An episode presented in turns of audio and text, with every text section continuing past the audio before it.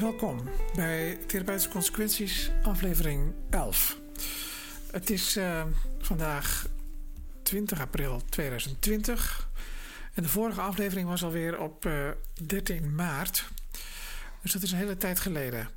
Het heeft eventjes stilgelegen. Er was zo ontzettend veel te doen uh, op het coronavirus vlak. Het was ook druk en er, werd, er wordt zo ontzettend veel gepubliceerd dat je je een beetje afvraagt Waar zullen we het eens over hebben? De ontwikkelingen buitelen over elkaar heen. In ieder geval, ik sloot die laatste aflevering af met de vraag waar we een week later zouden staan. Nou, een week later was de wereld helemaal veranderd, mogen we wel stellen. Zowel binnen als buiten het ziekenhuis. Eh, de intelligente lockdown is nog steeds volop actueel.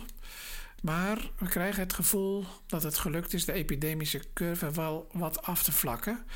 En we hebben uiteindelijk de maximale IC-capaciteit niet overschreden.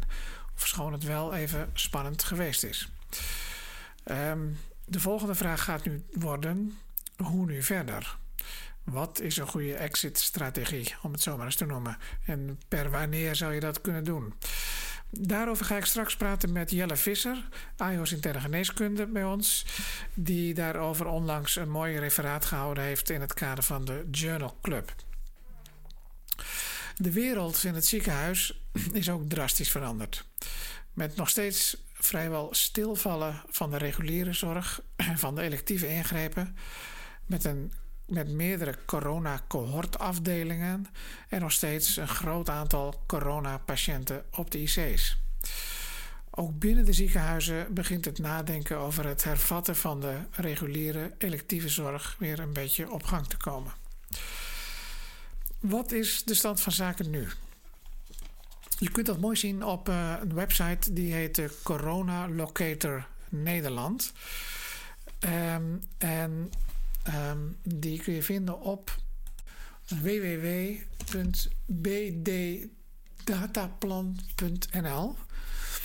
Um, ehm, Corona Locator Nederland. Dat geeft zeer uh, actuele informatie. Um, ik ga nu eventjes terug naar de data van 18 april. En dan zijn er uh, op dat moment in Nederland 31.589 besmettingen vastgesteld. 30,4% van de besmette patiënten is in het ziekenhuis opgenomen geweest. 8,2% van de besmette patiënten is op de IC opgenomen geweest. Er zijn uh, op dat moment 3610 patiënten overleden. En dat komt dus neer op 11,4% van de bewezen besmette patiënten. Dat is natuurlijk niet de case fatality rate. Want we weten dat er veel meer mensen besmet geweest zijn dan we getest hebben. In Zuid-Korea is van meet aan massaal getest. En daar komt men uit op een case fatality rate van ongeveer 2%. Ofschoon ook dat nog wel weer een overschatting zal zijn. Maar goed, als we uitgaan van 2%, dan zou dat betekenen dat er in Nederland in werkelijkheid een kleine 174.000 patiënten besmet geweest zijn. En dat is ongeveer 1% van de bevolking. De laatste cijfers van Sanquin, waar men 4000 bloeddonoren getest heeft, komen uit op een seropositiviteit van 3% van de bevolking. Lastige rekensommen allemaal, want uh, ook dat uh, is natuurlijk een beetje een gebiased sample van de bevolking. Bloeddonoren zijn wellicht toch niet helemaal uh, een afspiegeling van de gemiddelde Nederlanders. Maar ook als je uitgaat van het dubbele getal, dus laten we zeggen 6% seroprevalentie, dan zijn we nog steeds ver verwijderd van die groepsimmuniteit, die eigenlijk pas bij 60 à 80% seroprevalentie gaat ontstaan. Ik kom daar later met Jelle ook nog eventjes uh, op terug.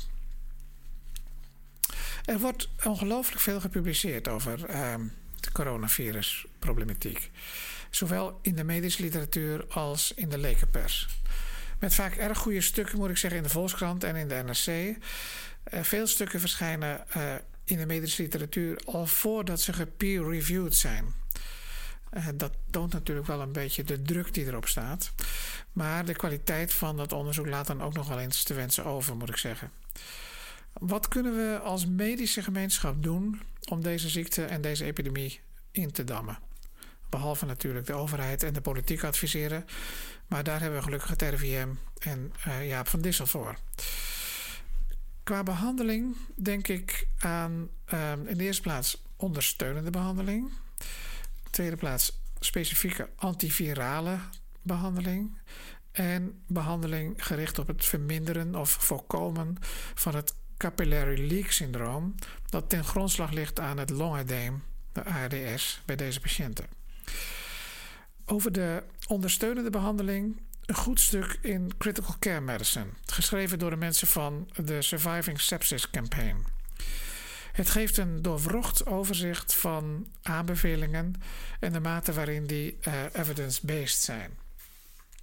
Een paar opvallende dingen wil ik noemen. Ten eerste probeer bacteriële superinfectie uit te sluiten. Dat is natuurlijk altijd belangrijk, maar eigenlijk valt dat in de praktijk tot nog toe erg mee. Pas later in de beloop zie je dat dat een rol gaat spelen. Um, hou de zuurstofsaturatie tussen de 92 en 96 procent en dus ook niet hoger dan dat. Daar zijn ze heel uitgesproken in en ze baseren zich daarbij op een meta-analyse uit de Lancet van 2018. En dat is een, een goed, robuust stuk. Uh, en daarin wordt toch aangetoond dat de in-hospital mortaliteit beduidend hoger is als je het zogenaamde, een zogenaamd liberaal zuurstoftoedieningsbeleid voert.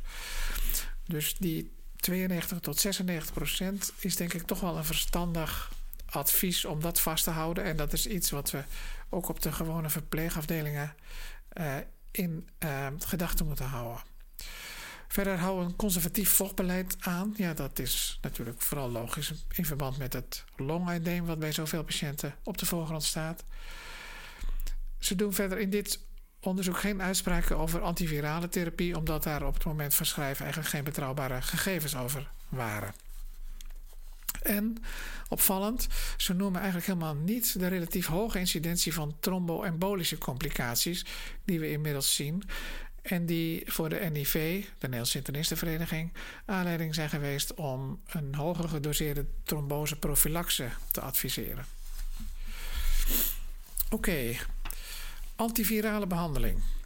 In de vorige podcast van 12 maart heeft Janneke Stalenhoef daar al het een en ander over gezegd. En ook nog weer eens benadrukt dat daar op dat moment eigenlijk helemaal geen evidence-based eh, behandeling voorhanden was. Waar staan we dan nu? Wel nu, Caletra, de wat ouderwetse HIV-protease-remmer, blijkt uh, in een trial die gepubliceerd is in de New England Journal of Medicine geen effect te hebben. De reden om aan Caletra te denken was dat het middel in 2004 enig effect leek te hebben bij SARS. En later bij MERS was er sprake van enige in vitro activiteit van het middel tegen het coronavirus, het MERS-coronavirus.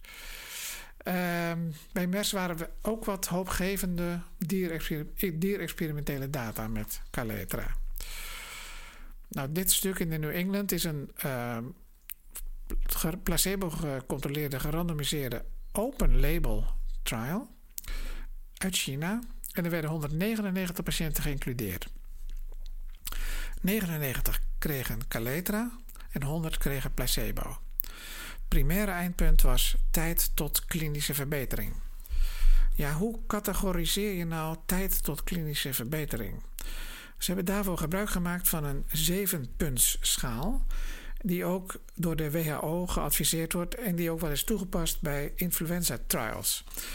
En die eindpuntenschaal ziet er dan als volgt uit: 1. Niet meer in het ziekenhuis opgenomen en normale activiteit hervat, dus dat is eigenlijk volledig herstel. 2. Niet meer in het ziekenhuis opgenomen, maar nog niet in staat om de normale activiteiten te ondernemen. 3. In het ziekenhuis opgenomen, maar geen extra zuurstof meer nodig. 4. In het ziekenhuis opgenomen met extra zuurstof. 5. In het ziekenhuis opgenomen, maar met een high-flow zuurstoftoediening of met een vorm van non-invasieve beademing. 6. In het ziekenhuis opgenomen aan de beademing of aan de ECMO of allebei. En 7. Overleden. Kort en goed, geen significant verschil in uitkomsten tussen de Caletra-groep en de placebo-groep. En ze keken ook nog uh, naar de virusuitscheiding in de loop van het onderzoek. En ook daar was geen verschil. Dus dit vind ik nou een voorbeeld van een nette, placebo-gecontroleerde trial die geen effect laat zien van Caletra. Caletra kunnen we dus wel vergeten, lijkt me. En dat is fijn, want het middel heeft ook heel veel onaangename interacties met andere middelen. Goed, chloroquine en broertje of zusje hydroxychloroquine. Valt daar inmiddels iets meer over te zeggen? Op de site metrxiv.org een tweetal studies die niet peer-reviewed zijn. Een Chinese studie claimt een verbetering te zien bij hydroxychloroquine in een gerandomiseerde trial met 62 patiënten. 31 kregen standaardbehandeling en 31 kregen een hoge dosis hydroxychloroquine. Maar het wordt uit de wat onbeholpen tekst niet duidelijk of er in de standaardbehandeling nou ook hydroxychloroquine gegeven werd en misschien in de interventiegroep alleen maar een hogere dosis. Als we aannemen dat dat niet zo is, dan, doet de patiënt het, dan doen de patiënten het op de eindpunten. En dat zijn eindpunten de tijd tot herstel van de koorts en de tijd tot herstel van de hoest. Dan doen die patiënten het iets beter in die hydroxychloroquine groep. In de controlegroep gaan er in die periode vier patiënten naar de IC en in de hydroxychloroquine groep 0. Dat is overigens geen significant verschil. Nou ja, een studie waar we eigenlijk niet veel mee kunnen wat mij betreft. Die eindpunten zijn boterzacht en het enige harde eindpunt, namelijk overplaatsing van de IC, is niet significant verschillend. Een Franse studie bekeek retrospectief het beloop bij 84 patiënten met COVID en zuurstofbehoefte. En die kregen 600 milligram hydroxychloroquine. En dat vergeleken ze met 97 patiënten die dat middel niet kregen. De groepen waren goed vergelijkbaar. Eindpunt in deze studie: overplaatsing naar de IC of mortaliteit binnen 7 dagen. Wat blijkt? Geen verschil tussen beide groepen. En deze onderzoekers concluderen dan ook dat er eigenlijk geen argumenten zijn om patiënten met COVID-19 te behandelen met hydroxychloroquine. Overigens is er ook, ook, overigens is ook deze studie nog niet gepeer-reviewed en ook deze verscheen op die preprint site met rxiv.org. Dus hydroxychloroquine of chloroquine tot nog toe geen evidence voor effectiviteit. En vergeet de bijwerkingen niet. QT-tijdverlenging natuurlijk, maar ook angst en depressie. En dat kun je er als coronapatiënt, naar mijn smaak, nu net niet bij hebben. En dan het uh, mogelijk meer specifiek antivirale middel Remdesivir. Op dit moment is er eigenlijk alleen maar één verslag in de New England Journal of Medicine. En dat zijn ongecontroleerde data uit een Compassionate Use programma. Um, ehm, 61 patiënten, allemaal erg zieke patiënten. En die kregen tijdens een mediane follow-up van 18 dagen uh, dat remdesivir uh, toegediend. En 68% van die patiënten maakte een verbetering door. Ja, dat zegt natuurlijk allemaal niet zoveel, uh, want je hebt geen controlegroep. Maar je krijgt het toch maar mooi gepubliceerd in de New England Journal. Het zijn bijzondere tijden. Theoretisch gezien, kom er later nog op terug, kun je een antiviraal middel, zoals remdesivir, dus een specifiek antiviraal middel, waarschijnlijk veel beter geven, helemaal aan het begin van het ziektebeloop. Uh, dat is ook wat Tony Fauci ongeveer zes weken geleden al zei bij een interview wat hij gaf. Um, maar ja, het middel was en is maar heel beperkt uh, voorradig en verkrijgbaar. Maar mocht dat eenmaal wel uh, volop verkrijgbaar zijn, dan zou dat nog wel eens een veel betere aanpak kunnen zijn. In het begin van de ziekte juist specifiek antivirale therapie en later in het ziektebeloop je veel meer richten op de gevolgen van de ernstige inflammatie. Oké, zijn er nu manieren om de ARDS, het longuideem, dat bij die COVID-infectie uh, um, zo'n prominente rol speelt, om dat tegen te gaan. Het klinische beeld is vrij typisch. Patiënten hebben een opvallend hoge ademarbeid, gereflecteerd in een hoge ademhalingsfrequentie. En daarbij ook vaak een verrassend lage zuurstofsaturatie, waarbij ze daar subjectief eigenlijk heel lang niet zoveel last van lijken te hebben. Een beeld dat uh, onze Nijmeegse collega's deed denken aan het klinische beeld van hereditaire of uh, verworven angioeudeem. Zij publiceerden hun hypothese op de site preprints.org. En ze postuleren daar dat het SARS-CoV-2-virus bindt aan de ACE2-receptor, de angiotensine converting enzyme type 2-receptor. En daardoor ontstaat er een tekort aan ACE-activiteit daar ter plaatse in de long. Waardoor er een dysregulatie in het kinine kallikreïne systeem ontstaat. En dat leidt dan weer tot toename, je zou kunnen zeggen ophoping van bradykininen. Die we, en dat leidt dan weer tot lokale capillaire lek, zeg maar lekke vaatwanden. Vaatdoorlaat, waterdoorlaatbare vaatwanden. Dat beeld, uh, kennen we natuurlijk van uh, patiënten die een ACE-remmer slikken.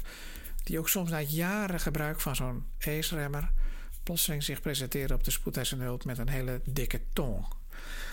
Uh, dat beeld reageert eigenlijk niet op het toedienen van corticosteroïden en ook niet op het toedienen van antihistaminica, omdat het niet een IgE-gemedieerd of een histamine-gemedieerd fenomeen is. Het enige wat je daarbij kan doen is afwachten tot het overgaat en als het nodig is, die mensen intuberen, wat gelukkig maar zelden nodig is trouwens. Um, ja, dat capillaire leksyndroom, dat longedeem, kan heel goed het CT-beeld verklaren dat we al vaak vroeg in het beloop bij patiënten met COVID-19 zien. En eh, dat dan later in het beloop helaas zo vaak tot IC-opname en beademing leidt. Ingrijpen in deze specifieke inflammatoire route zou wel eens dat capillaire leksyndroom kunnen voorkomen of tegengaan. De, de Nijmegenaren stellen een getrapte benadering voor. Met effectieve antivirale therapie in het begin van de ziekte. Maar ja, dat is dus even de vraag wanneer we die voorhanden gaan krijgen. En dan specifieke remming van het bradykinine systeem door remming van de bradykinine 1 en de bradykinine 2 receptor bij verdere progressie. En nog weer later, als de enorme systemische inflammatie op de voorgrond staat, zoals we dat dan tegenwoordig noemen, de cytokinenstorm, dan is er een plaats voor bijvoorbeeld gerichte anti-IL-1 of anti-IL-6-therapie. Eventueel ook in de laatste, meest ernstige fase nog weer met toevoeging van corticosteroïden. Een aantrekkelijke hypothese, mooi uitgewerkt en gepresenteerd. En ik begrijp dat er inmiddels een eerste trial met deze benadering van start is gegaan waarbij specifieke blokkade van die B1 en B2 receptoren onderzocht gaat worden. Een enkel woord nog over uh, serologie, antistofbepaling. Uh, in principe maakt iemand uh, die een uh, virale infectie heeft doorgemaakt vervolgens antistoffen aan. En die zouden dan in principe nadien beschermend moeten zijn tegen reinfectie. Veel laboratoria zijn op het ogenblik drukdoende om een uh, betrouwbare antistoftest uh, te ontwikkelen. Um, de eerste resultaten uh, verwachten we binnenkort daarvan.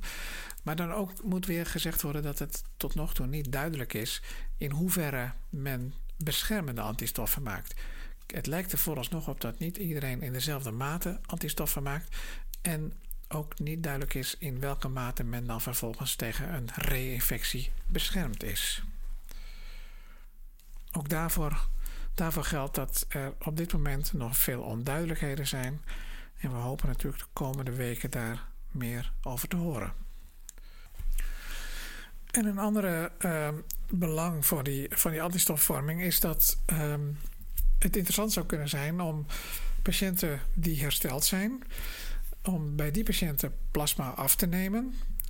Te concentreren, dus door middel van een plasmaferese, en dan de beschermende antistoffen vervolgens te infunderen bij een patiënt.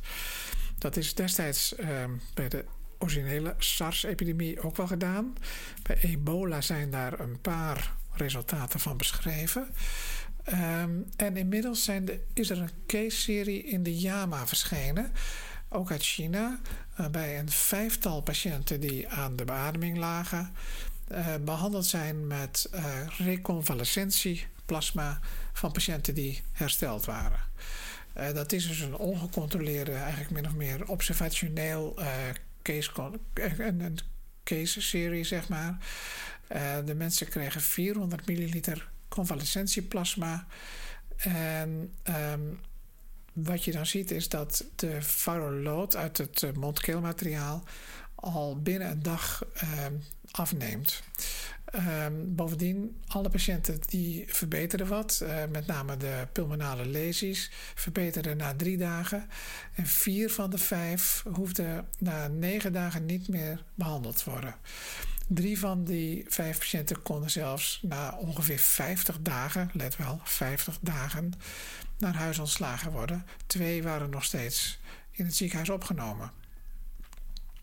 Het zijn natuurlijk uh, ongecontroleerde observaties, maar toch een beetje hoopvol. En ik denk dat het een aanpak is die we, mede gezien de beschikbaarheid van die neutraliserende antistoffen, vooral zullen moeten reserveren voor patiënten die aan de beademing liggen en met wie het niet goed gaat.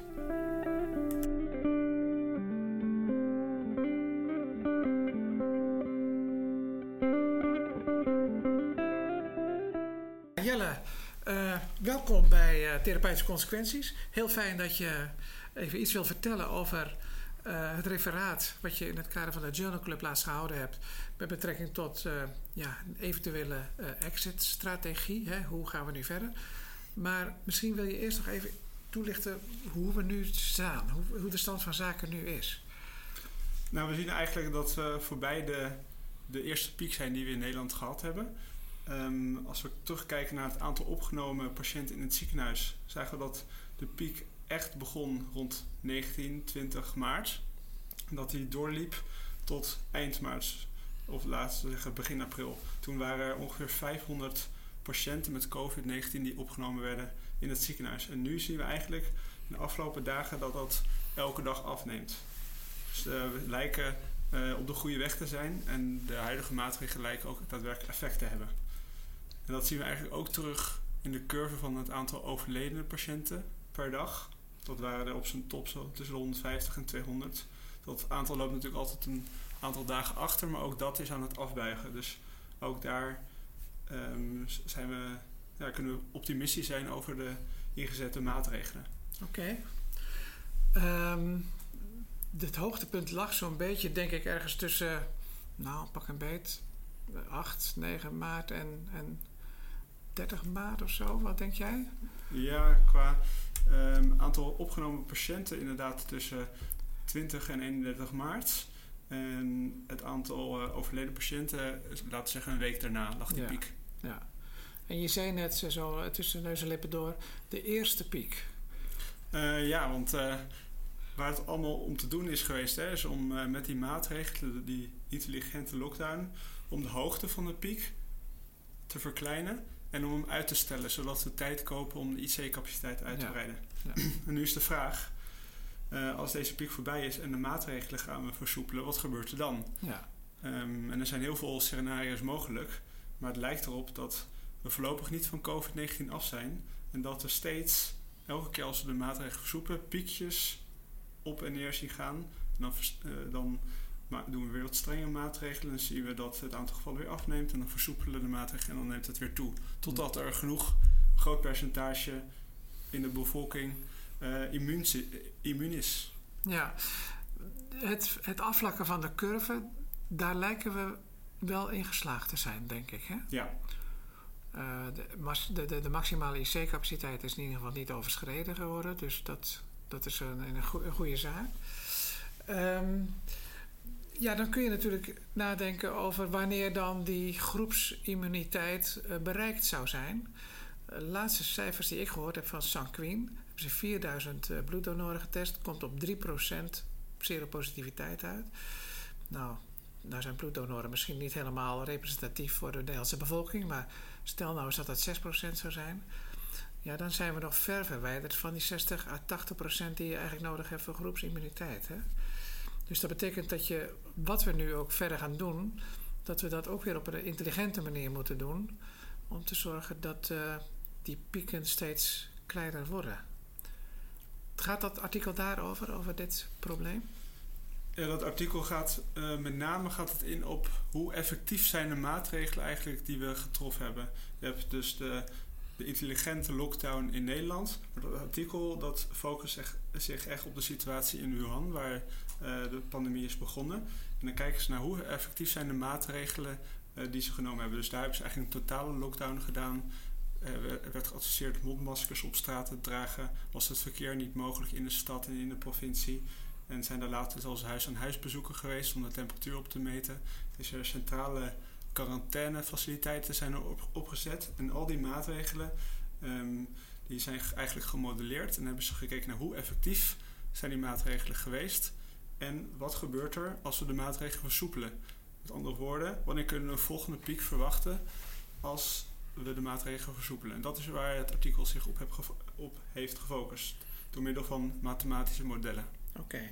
En wat voor eh, in, ingreep hebben ze dan eh, bekeken? Wat, wat voor mogelijkheden hebben ze bekeken om dan dat verder te, te attackeren? Om, om die, die, die... Bekeken, waarvan de eerste twee eigenlijk um, niet zijn gebeurd. Het eerste scenario is namelijk dat ze geen interventie doen. Uh, dus alles op zijn beloop hadden gelaten. De tweede scenario was uh, dat de scholen dicht zouden blijven. En dat eerst 10% van de bevolking zou werken. Uh, de vitale beroepen. En daarna het op te bouwen naar 75%. Ook dat scenario is niet gedaan. Het derde scenario is de scholen dicht houden. Er is vanuit gegaan dat 10% continu aan het werk is. Dus vitaal um, zorgpersoneel en uh, politie en dergelijke. En dan zouden ze elke week 25% van de mensen meer aan het werk laten totdat iedereen weer aan het werk is. Dat derde scenario hebben ze bekeken en vergeleken met de eerste twee scenario's. En dan zijn eigenlijk de belangrijkste resultaten dat wat we eigenlijk ook al in Nederland zien, is dat de hoogte van de curve uh, wordt, af, wordt geremd. Dus de piek is minder hoog en die piek vindt later plaats. Dan hebben ze nog gekeken naar wat gebeurt er als we in maart de maatregelen versoepelen en wat gebeurt er als we in april de maatregelen versoepelen. En wat bedoelen ze met versoepelen? Uh, dus het langzaam opbouwen van het personeel wat weer aan het werk gaat. Dus elke week 25% erbij. De scholen weer open. Dat hebben ze bekeken. En even voor de duidelijkheid, maart was voor Wuhan ongeveer drie maanden na het starten van de epidemie, hè, denk ik. Ja, ja. dus dat is uh, de maart uh, in Wuhan is zeg maar eind april, mei bij ons zou de hmm. situatie uh, zijn. En dan hebben ze gekeken naar wanneer vindt een volgende piek plaats. Nou, als je in maart de maatregelen versoepelt, vind je in augustus weer een hoge piek van juli, augustus, september. Als je in april de maatregelen versoepelt, vindt die piek later plaats, oktober, november, december. Nou, deze tijdspanne geeft al aan dat in ieder geval voor dit jaar de eerste piek die gaat nog komen, weer als de maatregelen versoepeld worden. En dit gaat door totdat er genoeg immuniteit is in de bevolking. Nou ja, hoe hebben ze dat nou bekeken? Ze hebben bepaalde um, mathematische modellen gebruikt. Um, en daarvan zijn de resultaten natuurlijk afhankelijk. Dan wil ik niet te diep ingaan op de ingewikkelde mathematische formules. Maar wat ze erin stoppen in zo'n model is het basale reproductienummer. Dat zijn ze uitgegaan van 2,2. De gemiddelde incubatieperiode zijn ze uitgegaan van ongeveer 6 dagen. Dus hoe lang je infectieus bent, hoeveel mensen er initieel geïnfecteerd zijn en hoe groot de kans is dat een casus symptomatisch is of asymptomatisch. Want het wordt ook steeds duidelijker dat je bij de dagen voordat je symptomen ontwikkelt ook de ziekte kan overdragen. Dat zal wel in mindere mate zijn, maar dat is toch ook een belangrijk aspect van transmissie. Ja. Maar dat gedeelte is overigens hier dan niet in meegenomen. Oké. En dan zijn ze hier uitgegaan van een model, het SEIR-model. dat staat voor susceptible, dus vatbaar, exposed, infected en removed. En removed betekent of overleden of immuun. Dat is een ja, model wat er vaak gebruikt wordt in dit soort studies. De vraag is of dat um, een goed model is. Want hiervan wordt uitgegaan dat, dat je immuniteit opbouwt. Maar dat is nog niet bewezen of uh, daar is nog niet heel veel bewijs voor dat dat ook zo is. Het zou kunnen dat je de immuniteit misschien nog verliest na een aantal maanden. Ja, dat is ook een, iets wat we eigenlijk nog niet weten. Hè? Nee. Nee, dus uh, concluderend, deze studie laat zien, wat we eigenlijk al over de hele wereld zien, is dat uh, een lockdown, zoals die gedaan is in Wuhan, um, heel effectief is in de piek te reduceren en de, en de piek ook uit te stellen. Um, dus dat betekent dat je meer tijd koopt om de IC-capaciteit um, uit te breiden of je voor te bereiden. Uh, nadeel van deze studie is dat ze niet hebben gekeken naar de verschillende interventies. Je zou willen weten eigenlijk hè, wat, hoe effectief is de lockdown, hoe effectief is het dragen van maskers, hoe effectief is het sluiten van scholen. Dat is allemaal niet verder gespecificeerd. Verder, zoals ik net al eerder zei, dat SEIR-model, dat heeft bepaalde beperkingen omdat je meer clustering hebt in huishoudens. En je niet um, kan corrigeren voor bijvoorbeeld superspreaders, bijvoorbeeld zorgpersoneel, die blijft doorwerken en dat toch nog verder kan verspreiden. Ja, en ja. Al, die, al die variabelen die er zijn ingestopt, die, ja, die veranderen ook met de dag eigenlijk. Hè? Dus die ja. um, met voortschrijdend inzicht. Of zoals ik gisteren uh, wanneer was dat? Op de televisie zag het zogenaamde idee van super spreading events. Bijvoorbeeld met elkaar in de kerk zingen.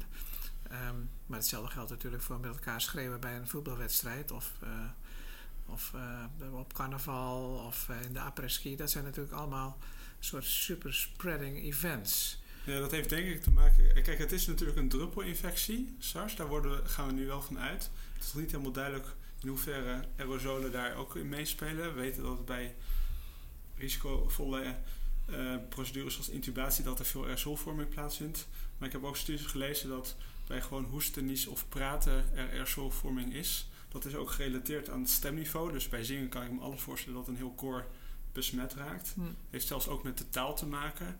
En of je van nature met consumptie praat eigenlijk. Of er aerosolvorming is. Dus oh ik denk dat die aerosolvorming bij die heel erg kan verschillen per individu, ook nog misschien een verklaring zou kunnen zijn waarom sommige mensen superspreaders zijn en anderen niet.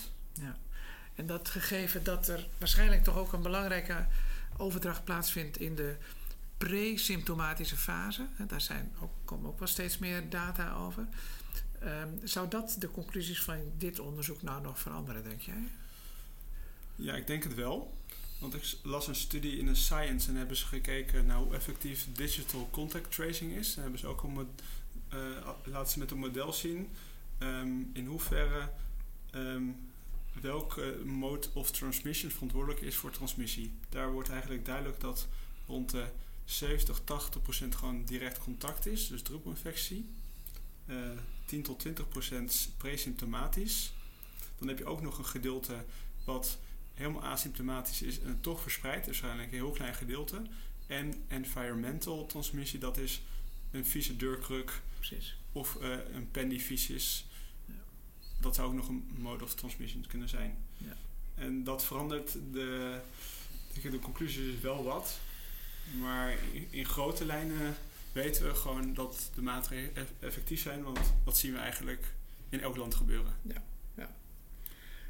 wat voor, wat voor strategie zou je dus kunnen hanteren als het gaat om, ik noem maar wat, werkhervatting voor iedereen? Ja, dat is een heel lastig onderwerp. Dan praten we eigenlijk over de exit-strategie. Ja. En er zijn verschillende strategieën mogelijk. Nou, eigenlijk is wel duidelijk dat hoe je het versoepelt, hoe je dat, op welke manier je dat ook doet, het gaat terugkomen. Dus die, het aantal gevallen gaat weer toenemen. Dus dat wil je gecontroleerd doen. Dan zijn er heel veel verschillende exit-strategieën. Um, nou ja, um, om te beginnen hebben ze de periodieke um, lockdown. Dat is de knipperlichtmethode. Dat betekent een week lang alles open, dan drie weken dicht. Een week lang alles open, drie weken dicht. En dat voor een jaar of anderhalf tot twee jaar. Dat is best lastig. Er is een ander model dat houdt de twee- of vierdaagse werkweek in. Dat is best een vernuftig model. Dat gaat er dan vanuit, zeg maar, stel je bent twee dagen op je werk. Mm, dan dat de maandag en dinsdag. Iedereen gaat dan naar zijn werk. dan kan je bijvoorbeeld besmet raken. Um, en dan gaat ervan uit dat in de dagen dat je thuis werkt, dus die andere vijf dagen van de week, dat je symptomen ontwikkelt. Als je symptomen ontwikkelt, blijf je thuis. En degenen die niet symptomen blijven uh, krijgen, die gaan weer aan het werk. Zo kan je toch 40% economische activiteit weer uh, genereren. En dat is dan goed voor de economie. Zo werkt eigenlijk ook het vierdaagse model met 10 dagen thuiswerken. Hmm. Ligt een beetje aan hoe lang de incubatietijd is um, gemiddeld. Hmm. Dan heb je nog een andere exit-strategie die ook in Nederland wordt onderzocht. Dat zijn de bron- en contactopsporing via een app. dat noemen ze de corona-app. Maar daar is nog wel wat, um, zijn nog wel problemen mee. Maar als die daadwerkelijk doen wat ze zeggen dat ze doen, dan zouden ze natuurlijk enorm kunnen helpen bij bron- en contactopsporing. Een nadeel is waarom het nu nog niet zou werken, is omdat mogelijk de technologie nog niet goed toereikend is dat je eigenlijk ongelimiteerde testcapaciteit hebt. Ja, en dat is een voorwaarde eigenlijk ja, dan. Hè? Ja. Dat we ook nog niet weten hoe effectief uh, eigenlijk zo'n app is. Dat zou je dan moeten onderzoeken. De mensen die aan deelnemen, zouden dat helemaal anoniem doen. Ja. Um, om te kijken hoe effectief het is, zou je toch een gedeelte moeten de-anonymiseren. En daarin kijken dat vergelijken met de gouden standaard, dat is ouderwetse bron- en contactopsporing. Maar het grootste voordeel is, is dat bij ouderwetse bron- en contactopsporing je allemaal je contacten moet kennen. En bij een app, dan kan het ook een persoon zijn naast wie je in de bibliotheek zat. Precies. Oké, helder. We zijn voorlopig, vrees ik, nog niet van dit probleem af. En uh, laten we hopen dat er allerlei andere ontwikkelingen wat sneller zijn dan we nu de laatste tijd gezien hebben in de zin van behandeling van het virus, eh, directe antivirale behandeling, behandeling van het ziektebeeld, uh, tegengaan van het capillaire lek syndroom, etc. Dat zou allemaal natuurlijk wel helpen in de acceptatie van wat voor exit-strategie dan ook, denk ik. Oké, Jelle, hartelijk dank. Graag gedaan. Ja, dus dit was uh, Therapeutische Consequenties aflevering 11. Uh, het was een iets langere aflevering dan jullie van mij gewend zijn. Um, maar we hadden dan ook wel een wat langere onderbreking gehad sinds de vorige aflevering. En de komende tijd zullen we nog wel heel veel ontwikkelingen zien ten aanzien van het uh, coronavirusprobleem. Um, referenties kun je terugvinden op de website www.therapeutischeconsequenties.nl. En met dank aan uh, Jelle Visser, die zich liet interviewen over zijn referaat. En met dank aan Corrie van Binsbergen, wiens prachtige muziek ik mag gebruiken als ondersteuning bij deze podcast.